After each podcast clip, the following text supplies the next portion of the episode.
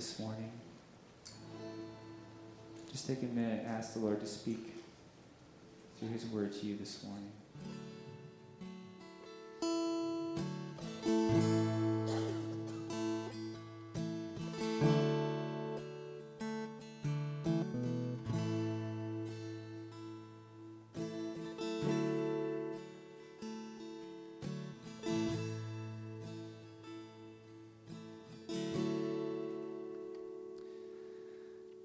Lord, help us to live our lives in the light of the reality, Lord, that you are coming. Lord, we long for that day. Lord, I just ask that you'd come and speak through your word this morning. Mold us and make us into, more into the image of Jesus, Lord. We just thank you for this and give you the glory in Jesus' name. Amen. You guys can take your seats.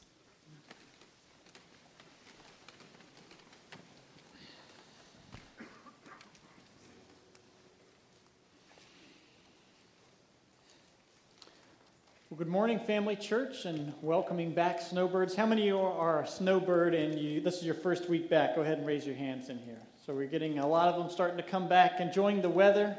I know my wife and I have came outside, and for the past couple of weeks, we'd come outside and it's not fall yet. And then we'd come outside, and then there'd be like a little gust of wind, and we're like, fall! And then all of a sudden, it's gone, and then it's hot again. And now we're actually starting to have the fall weather, and it's been very, very enjoyable. For those of you who were here last week, um, you heard from Pastor Fernando. He is a pastor on staff here. Many don't know that because you don't get to see him a lot, but he actually is a pastor on staff here. And everything you heard last week that he does all over the world and training pastors around the world to doing discipleship in the churches he runs is because of the faithful giving and attendance here at this church. And so we praise God for Pastor Fernando and that we're able to support that um, ministry. I want to just ask for God to prepare, again, our hearts, but also to prepare um, just as I'm presenting the Word of God, because I am so um, uneducated to be able to do so. Maybe a word. Um, not qualified might be another word. There's just so many things that uh, we don't deserve to hear the Word of God, let alone preach the Word of God. And so we want to pray that the Holy Spirit comes and just works in this place and works through me. Would you pray with me this morning? God, we do praise you that it is the power of the Holy Spirit through the presentation of your word and not through man's motives that changes hearts and lives. God, we thank you for your church and what you are doing here. God, I pray that I may be an instrument of you. God, may you have your way in this service. May you give me the words to say and hold my tongue on things that don't need to be said. God, we want to do one thing, and that is glorify you with our hearts, with our minds, all our soul, and all our strength. God, we praise you for today. May you speak to us so that we may be better and greater witnesses for Jesus Christ. It's in Jesus' name we pray. Amen. So, Pastor Terry, the week before that, shared with you three truths that we're going to go over just as a recap. And he went over Philippians 3, verse 17. So, if you have your Bibles this morning, open and go ahead and open up to Philippians chapter 3. And Terry worked on the verse Brothers, join in imitating me and keep your eyes on those who walk according to the example you have in us. Truth number one following Jesus Christ means we follow God's word. It's the authority of our life. There should be no area in our life that doesn't look like the word of God that we have learned about. Because as a follower of Jesus Christ, we are committing and saying, This is the ultimate authority in my life. And so when you have somebody and they come up and they say something to you like, I don't know if that lines up biblically, we better listen. Because all of us are representing Jesus Christ. And if you're living one way and somebody else is living another, and they're both Christians on the same authority, it should not be so. So somebody is in error and we need to work together. So, truth number one means we follow God's word. We do this a couple of ways here. We encourage core classes. We're in our second week of those core classes have some incredible classes going on, always blessed in those, but also connect groups. And I just want to brag on our church because we're doing an incredible, incredible job on reaching out into the community in regards to connect groups. And um, I called a gentleman, he visited our church for the first time last week. And I called him on the phone. He put in a Connect card. By the way, if you have anything to communicate with us, those Connect cards in the seats in front of you is how it happens. Or you can schedule to meet with us on Monday, like Trevor spoke about. But I had this Connect card, and I called him. His name is Ray. And I said, Hey, Ray, how did service go? Talking with him. And he said, I'm getting ready to go to Connect Group. And I was like, What? He's like, Yeah, I can't believe it. And so we have a short video that we prepared. So if you could focus on the screens here, watch this short video. It's just talking about you guys bragging on you about what's going on in Connect groups and how our church has done a phenomenal job reaching out to individuals. Let's take a look.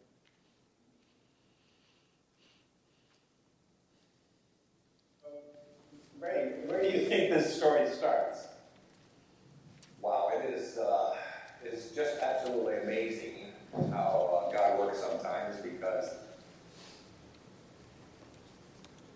uh, one day I was walking on the beach and I, I, I met this lady and she was just walking along with me as we were chit chatting. Uh, she said, uh, What do you know about churches on Marco? And I said, uh, I don't know. I've been invited to a couple in Naples, but nothing in Marco. And she said, Oh, I went to a family church connection group. And I said, uh, What's family church? And she proceeded to tell me a little bit about family church.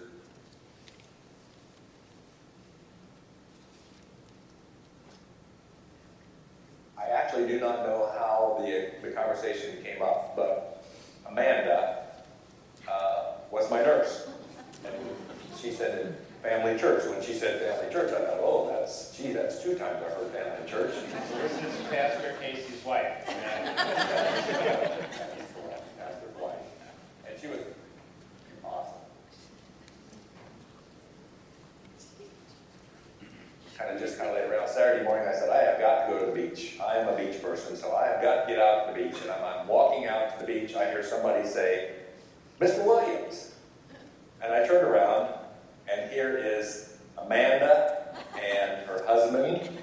And it was just too much because at that point in time, I said, okay, this is the third time I've, I've been involved with people from the family, family church, and I don't know the family church.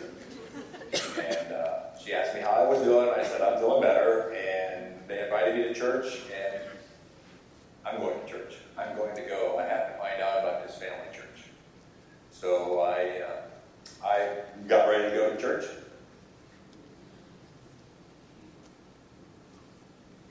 Impression that I got when I walked in the building. The building is warm and friendly, and there, there was a lot of scurrying, a lot of people moving around, which shows excitement. It was all doing, it was busy. It was awesome. And uh, one of those couples was Bill and Esther. And just no time that Esther was handing me a piece of paper with her home address. Tuesday night at 6 o'clock or 6.30, uh, we would like for you to come over to our Connect group. And I said, I'll come. and, and she was great. When I went to their home, uh, it was like I met 20 brothers and sisters that I didn't know their names.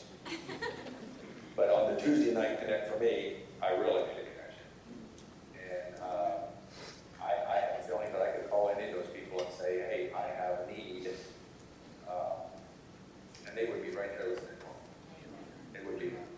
And it's just amazing to me that out of my lifetime, just a short period of time being on Marco Island, I've had three or four people just direct me by nice conversations. Wasn't anything you have to come? No. You need to come. It was, we'd like to have you come and visit the family church. Uh, I'm looking forward to hearing the pastor speak. Mm-hmm. And music speaks for itself. If somebody likes music and they come to this church, they're hooked. Mm-hmm. And it's, it's a good feeling. It's a good feeling. Yeah. Of course, I'm the type of person who's going to be telling everybody about family church. Uh, you know, I, I'm not a walking advertisement, but when I get a chance to say something, I say what I believe. And I believe that the family church in Marco Island really has it going on. Praise God.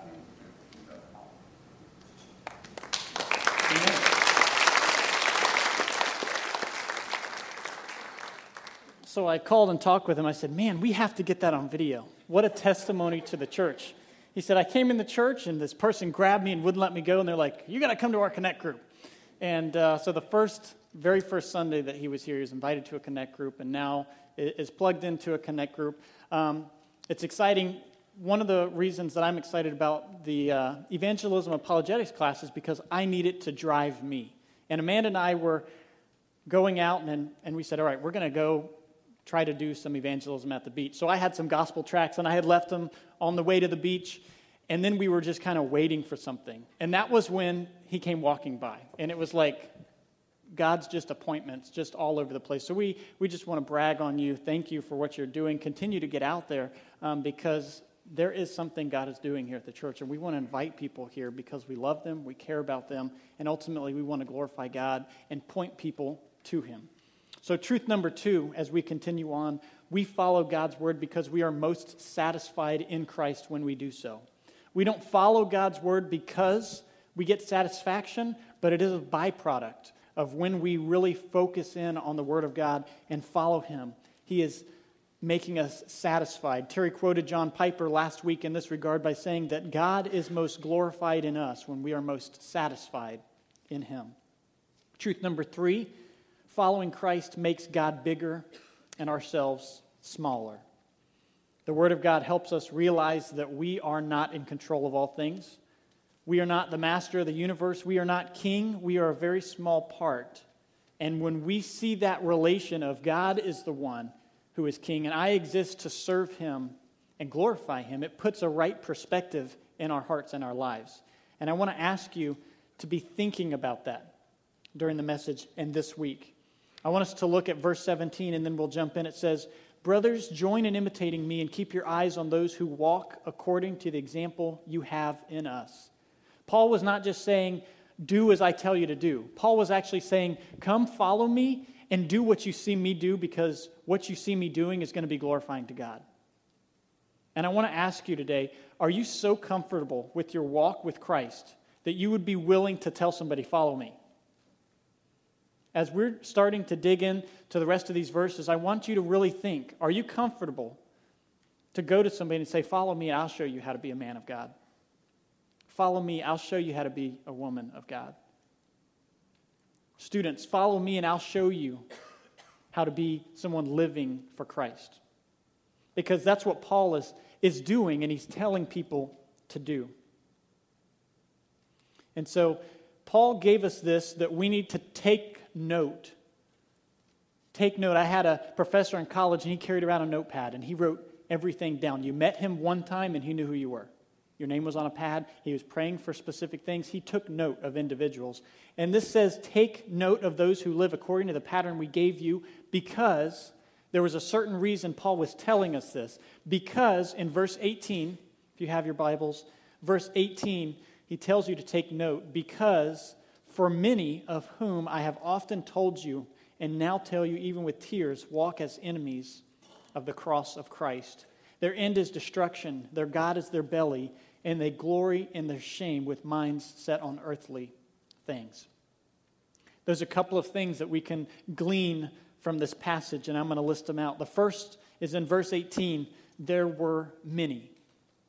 There were many. It was rampant in the church. It wasn't just a few people or one individual. There were many in the church that were walking in this way. Now, Paul didn't exactly identify who these many were, but he did give us some clues, and it's probably beneficial that he didn't tell us exactly who they are. Because if he told us exactly who they are, we would maybe look over this warning for the church because well we don't have those type of people in our church so that doesn't apply to us no he left it kind of generic and that is helpful for us because we need to understand there are many people who come against them, come against Christ in the church. So it still applies today. Number two, another point that we can understand if you're taking notes the many, they walked as enemies of the cross.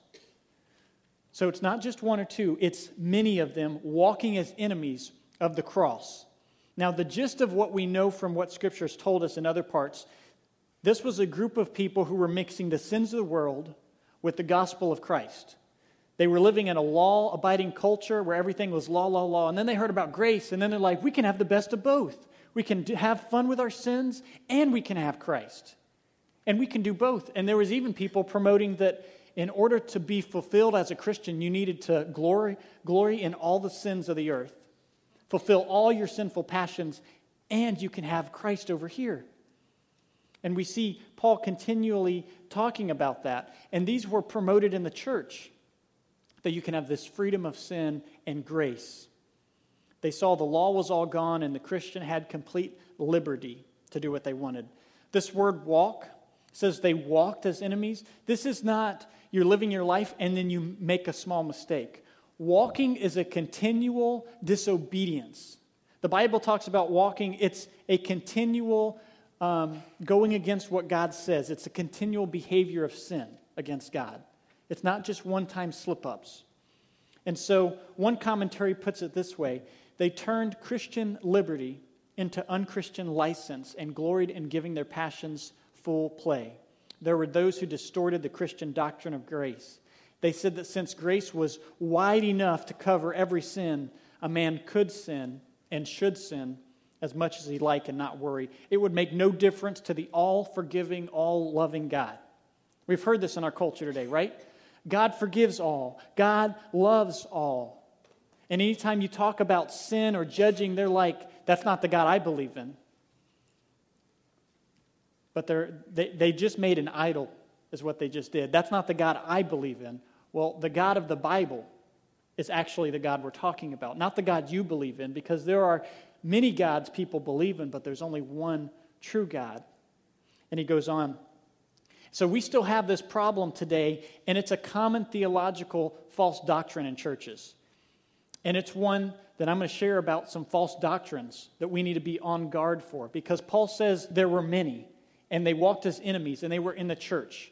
So today's message, you're going to hear a lot of things that we need to be on guard for as a church on the radio, on TV, in our culture even things we've slipped into here at our church unaware and unknowingly. And I've done it as well. So we do believe Romans 10:9 that it says you confess with your mouth that Jesus is Lord, you believe in your heart that God raised him from the dead, you will be saved. We believe in that. But we also believe that people are not saved because of their good actions. We also believe that people do not lose their salvation because of their bad actions, which is sometimes a doctrine that people teach. And I have a couple of scriptures that I want to clarify because these people were in the church, and Paul is distinguishing them.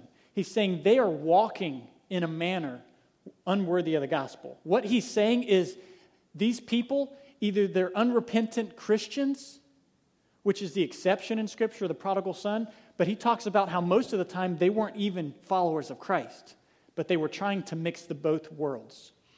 I have a couple of scriptures because we don't believe that somebody can walk in a continual lifestyle of sin and still be a Christian. Because I don't see it in Scripture. I don't see it in Scripture. John 14, 21 says this Whoever has my commandments and keeps them, it is he who loves me, and he who loves me will be loved by my Father. John 14, 15. If you love me, you will keep my commandments. Now, do keeping God's commandments make you a Christian? No.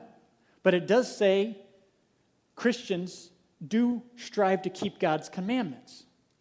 And so one does not mean you lose salvation, it's just meaning that you never had salvation probably to begin with.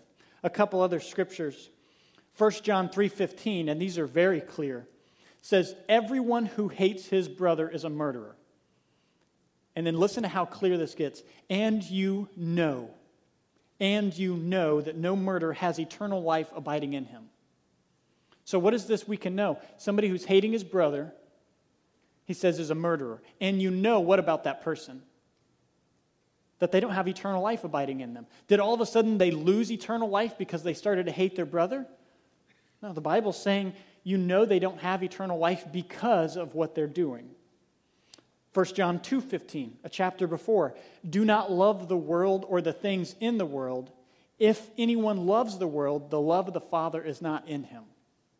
Scripture never gives us a clear picture of somebody who is a follower of Christ, and this is the norm, living in an example of unrepentant sin, and they continue on that way and they walk that way. The Bible does not give us that type of license. And it even says to the church when you see somebody that way, we should go up and we should talk with them, saying, The way you're living is not a Christian lifestyle. So either you need to repent and come back to Christ, or you're not a, a, Christian at all. And the Bible says you should treat them as a Gentile or a tax collector, which wasn't a good label. It meant you weren't a follower of him. So the Bible is very clear on these type of things. A third thing that we can glean from this passage is Paul often warned of false teachings. In verse 18, he says this For many of whom I have often told you and now tell you. So Paul has told them in the past, right?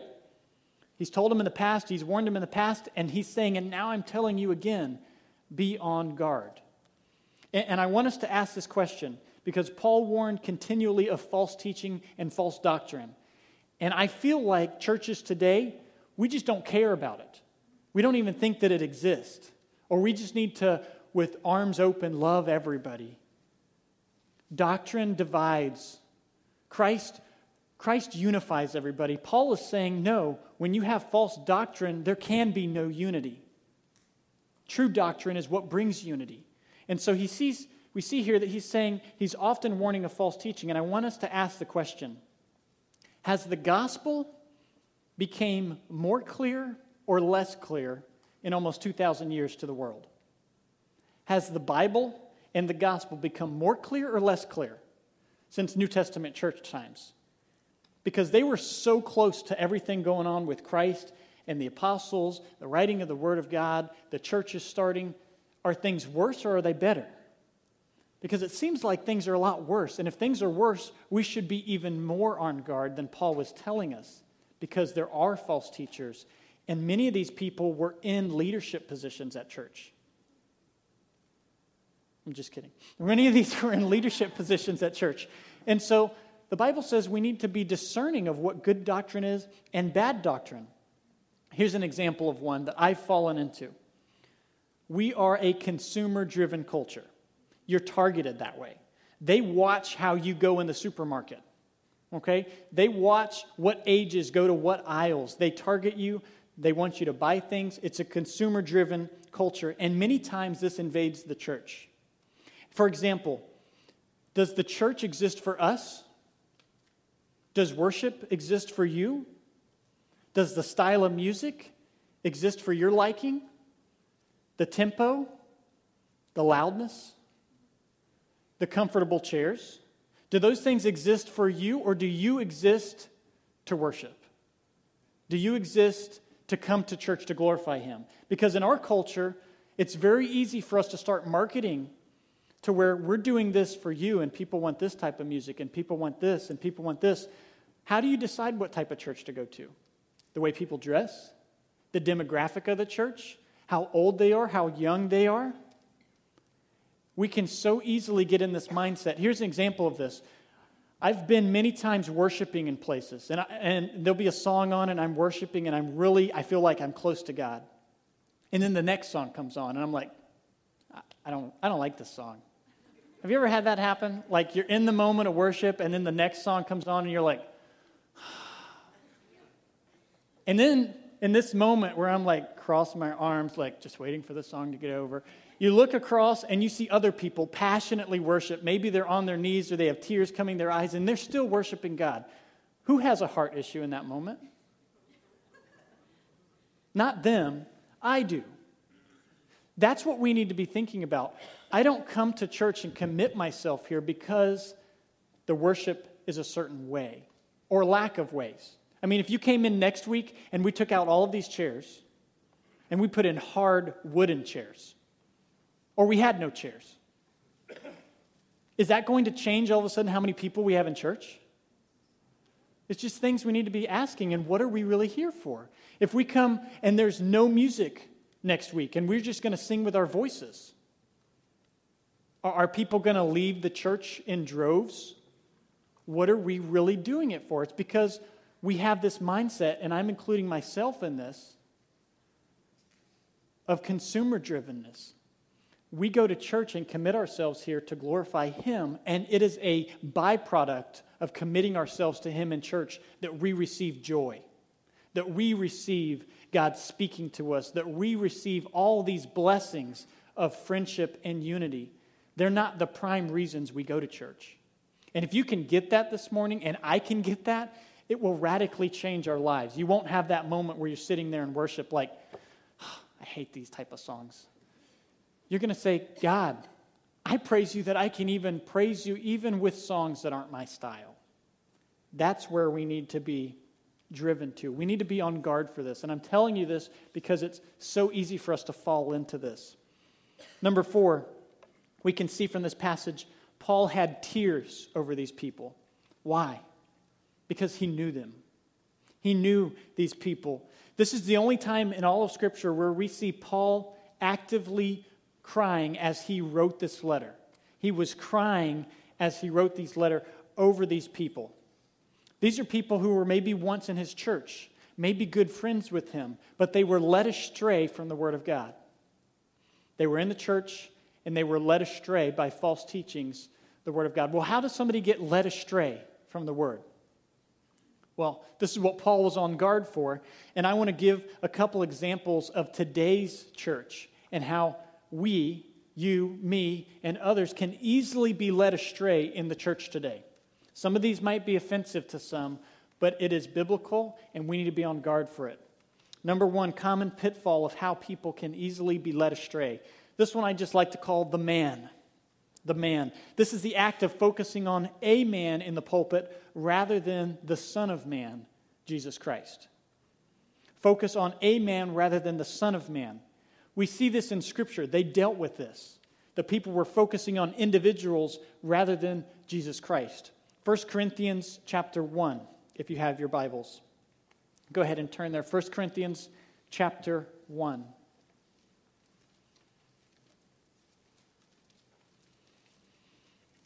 It says this I appeal to you, brothers, by the name of our Lord Jesus Christ, that all of you agree, and there be no divisions among you, but that you be uni- united in the same mind and the same judgment. You see, there was divisions in the church because they were focused on certain men. Verse 11 for it has been reported to me by Chloe's people, there's one, Chloe's people, that there is quarreling among you, my brothers. What I mean is that each one of you says this I follow Paul, or I follow Apollos, or I follow Cephas, or I follow Christ. He goes on to say, Is Christ divided? Was Paul crucified for you, or were you baptized in the name of Paul? Divisions can easily happen in the church when we take our minds and eyes off of Jesus Christ and begin to place it on a certain individual. Listen, any person who stands in the pulpit should be reflecting and pointing to who Jesus Christ is. And if you begin to focus on who that person is, you're missing the whole thing. No one is ever going to stand in this pulpit and have all the answers. They're all going to be broken, sinful men who need the love of God in their life and the grace and others around them. I need that in my life. We all need that. So, very easily can become a temptation and a struggle because why? It's easier to focus on somebody here in the present. It's easier to follow somebody here in the present rather than always trying to follow the God you can't see. It's a natural tendency. Another common pitfall in churches today, and these people are everywhere, is what I like to call the entertainer the entertainer. This is a person who stands up and they have the look, they have the dress. I know I'm not this guy because I'm not wearing a tie and a pinstripe suit. They have the sophisticated words. They have props on stage that really keep you attentive and they say the funniest jokes and maybe they have cool videos. All of these things, the entertainer. Let's see what scripture has to say about this type of person. 1 Corinthians chapter 1 verse 17. For Christ did not send me to baptize, but to preach the gospel. Listen to what Paul says here. And not with words of eloquent wisdom, lest the cross of Christ be emptied of its power. When you bring eloquence and sophistication, and it's all about the show and the entertainer, the Bible says actually the cross, the power in the cross, is emptied. Well, why? Because you're focusing on the show, and the cross and the power of the cross can't even do its work because you're so enamored by an individual or the entertainment that's going on. And the Bible actually says, He didn't come with eloquent wisdom. Paul, the greatest preacher who ever lived apart from Christ. Number three, the prosperity gospel. This one is most of the time what people know about, also called the word of faith movement. In this false gospel movement, the believer is told to use God. Use God because God wants to richly bless you. God doesn't want his son or daughter wearing old clothes, he wants them use, wearing new clothes. And all you need to do in this word of faith movement is envision what you want. Envision it, and sometimes they even talk about speaking it into existence. And all you need to do is speak the new car that you want, speak the new house, speak this much in your bank account, and God will give it. The problem with this is we don't see it in Scripture. And how about we tell that to the first Corinthian or the, the first Christians in the New Testament church who were burned alive with hot oil? Maybe they just didn't envision it enough, right? Or they were held at sword point and said, Bow the knee to Caesar. And they said, No, Jesus Christ is Lord. And then they were brutally murdered, slow, painful deaths. Maybe it's because they didn't envision it. Or they were torn apart by lions. We don't see it in Scripture where it just says, envision what you want. It's a false teaching and it's leading people astray. And we need to be on guard for it. And it was happening in that church 2,000 years ago, and it's happening all around the world today. And it's entertainment, and people looking at it, and people are driving to it. And it's not the Word of God. This is what 1 Timothy 6 says, verses 9 through 11, about those who desire to have these things. But those who desire to be rich fall into temptation. They fall into a snare, into many senseless and harmful desires that plunge people into ruin and destruction. That's what the Bible says about those who desire to be rich. For the love of money is the root of all kinds of evil. And it is through this craving that some, listen to what it says, have wandered away from the faith and pierce themselves with many pangs. We need to be on guard for these things. Paul says there were many in the church, and it was happening often. And he warned us about it in the past, and he's warning them in the present, and he has tears over these people because it's not the life saving gospel. This is what we need to do in verse 11 of Timothy. It says, But as for you, O man of God, flee from these things and pursue righteousness godliness, faith, love, steadfastness, and gentleness. In 1 Corinthians 2, listen to what God says about the presentation of the Word of God. This is where true God honoring preaching and teaching comes from. 1 Corinthians chapter 2, verses 1 through 5. You have your Bibles, go ahead and turn there. 1 Corinthians chapter 2, verses 1 through 5. Paul says, And when I came to you, brothers, I did not come proclaiming to you the testimony of God with lofty speech or wisdom. For I decided to know nothing among you except Jesus Christ and Him crucified. I've, I've had it told to us a pastor who can sing and dance, right? They have both sides, they have all the things needed. Scripture says very clearly that Paul came not with special speech, not with lofty speech or wisdom. And Paul said, I decided to know nothing. I didn't have a special plan. I didn't do this. I don't have this many degrees. He said, I came with nothing except Jesus Christ and Him crucified. That's the only thing that Paul boasts in. And I was with you, and here's a big one that marks off so many pastors and preachers today. And I was with you in weakness and fear and much trembling and my speech and my message were not in plausible words of wisdom, but in a demonstration of the Spirit and power. Paul came saying, I am nothing. I am broken. I don't have eloquent words. I don't have anything to offer you. I'm coming as somebody who is weak. And what did God do with Paul? Incredible, incredible things. And it says, so that your faith might not rest in men, but the power of God. We need to be on guard for this type of thing. The presentation of the Word of God is not a show. We need to understand that. Because many times in our consumer driven culture, we treat it as a show. And if it's too long of a show, or too short of a show or this many characteristics, we get up or we leave or we don't come back. We preach for the audience of one, not to our audience. We preach to honor God because we're going to all be held accountable for what you've done with the message you're hearing and how we presented the Word of God. There's coming a day because we are representing Jesus Christ here.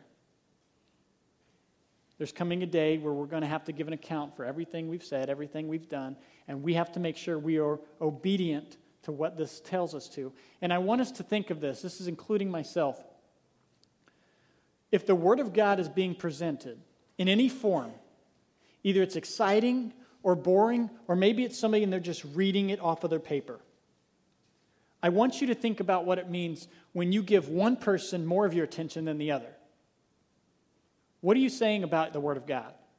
Because if one person comes and reads the manuscript, and another comes and they're exciting and they're on stage and they have all these things, and another one comes and they're really soft spoken and all they do is share. If you promote one of those and you listen more intently, what are you saying about what you think about the Word of God they're presenting?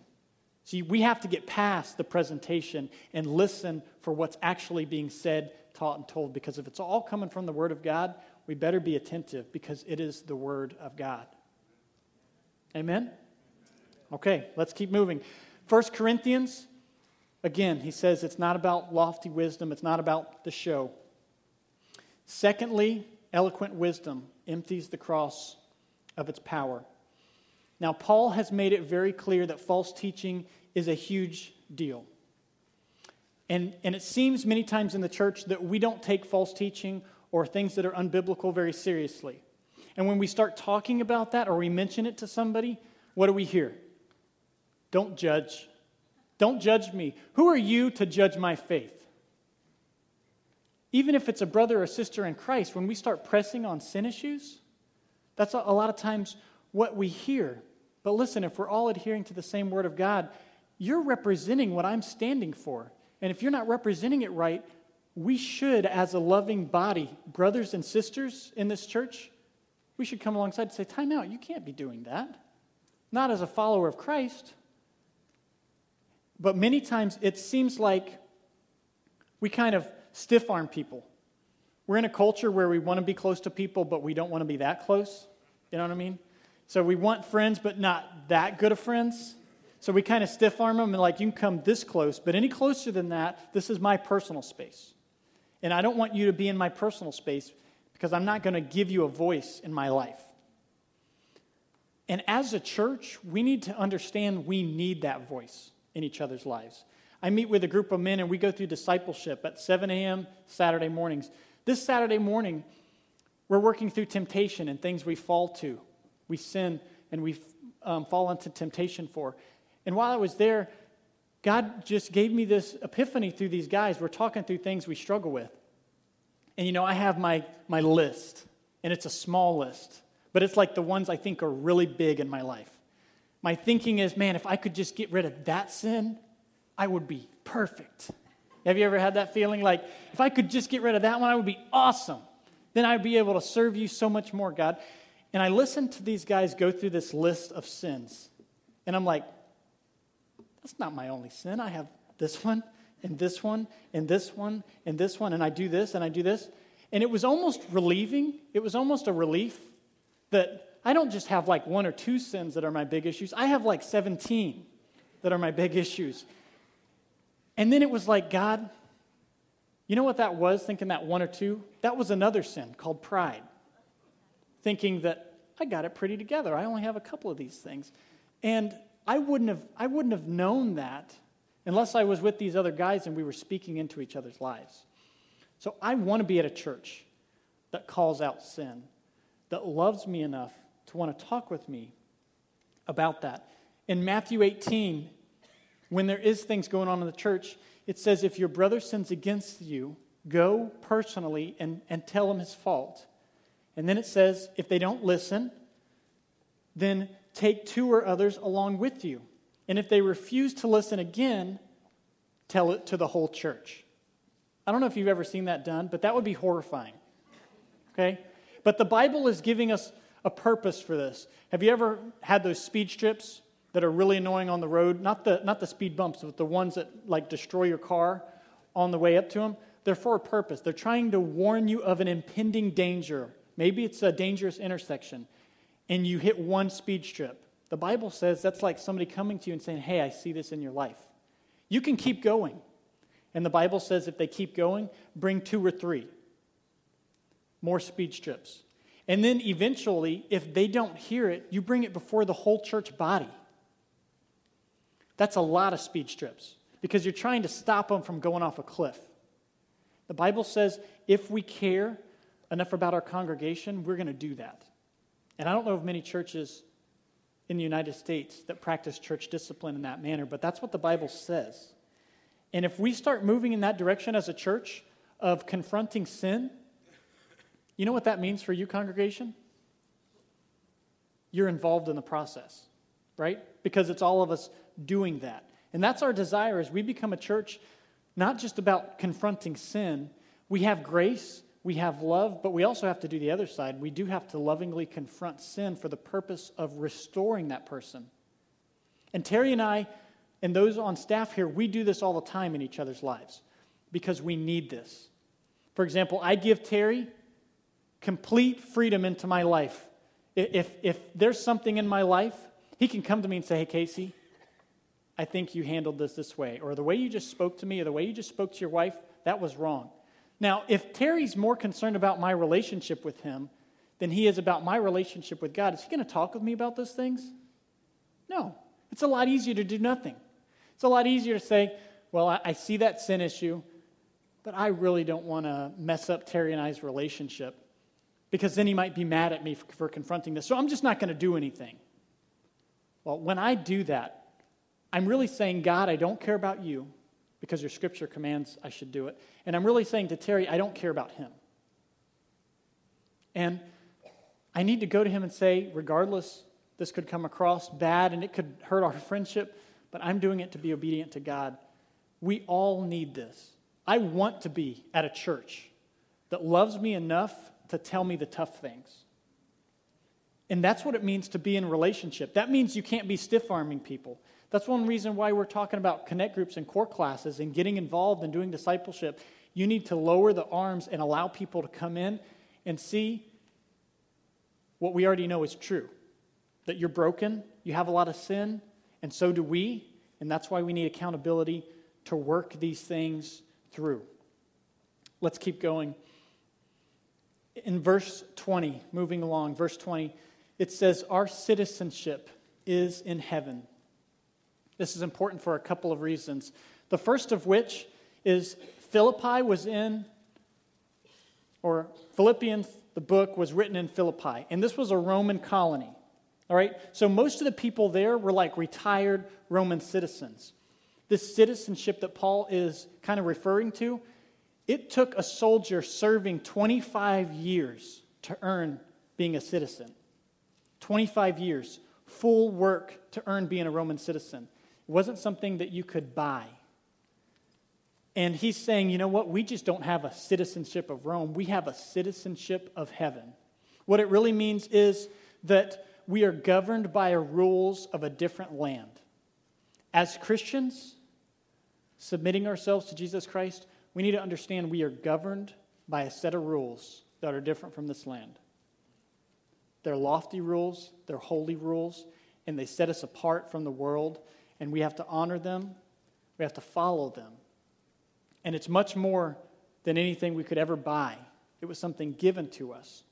I want to read through the rest of these verses, and if Luke could come up, he's going to begin playing. We're going to kind of have a moment of reflection of what you've heard today. And also praising God for these last couple of verses because there's some important things in these verses. It says that we await a Savior. For those of you who are Christians, we have received salvation, but we're waiting, as we sang about already, His return. We await a Savior, the Lord Jesus Christ, who will, this isn't a maybe, this is a promise, who will transform our lowly bodies to be like His glorious body forever and ever we're going to have new bodies given to us by Christ. This 80, 90, 100 years is nothing compared to all of eternity We need to understand that. We need to wake up with that mentality. And it says, by the power that enables him even to subject all things to himself. I need to hear that often. God subjects all things to himself. There is nothing outside of his control. The things you're dealing with in your life right now that seem overwhelming, the things I'm dealing with that seem overwhelming, we need to rest that God says he knew about it, he knows about it, and that we need to keep our eyes on him. The Bible says, turn away from evil, seek good, pursue peace. The eyes of the Lord are on the righteous, and his ears hear their cry. We need to understand that. That we can turn to him. He sees what we're going through. And as we're living for him and pursuing him, that he is taking care of the situations. And that's where we get peace. That's where we can thank him. God, thank you for saving me. There was nothing in me that deserved to be saved, but I praise you for that. So let's take a moment praise God for what He's done in your life, what He's doing in your life. If you don't know Christ, you've never received Christ as salvation, I'm going to be up here after the service. Come talk with me. Any of you, if you have anything you want to talk with us about, we want to make ourselves available to you. So we love you, we praise you. Thank you for what God's doing in your life. Let's take a moment to thank God for what He's doing.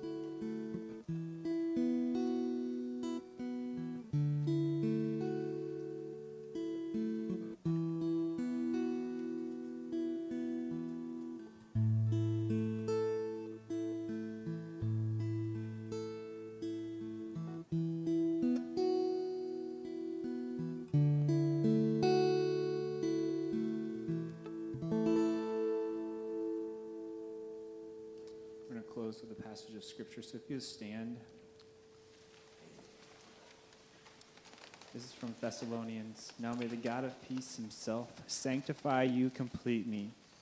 And may your whole spirit, soul, and body be kept blameless at the coming of the Lord Jesus. He who called you is faithful, and he will do it. The grace of the Lord Jesus Christ be with you. Amen. You guys are dismissed.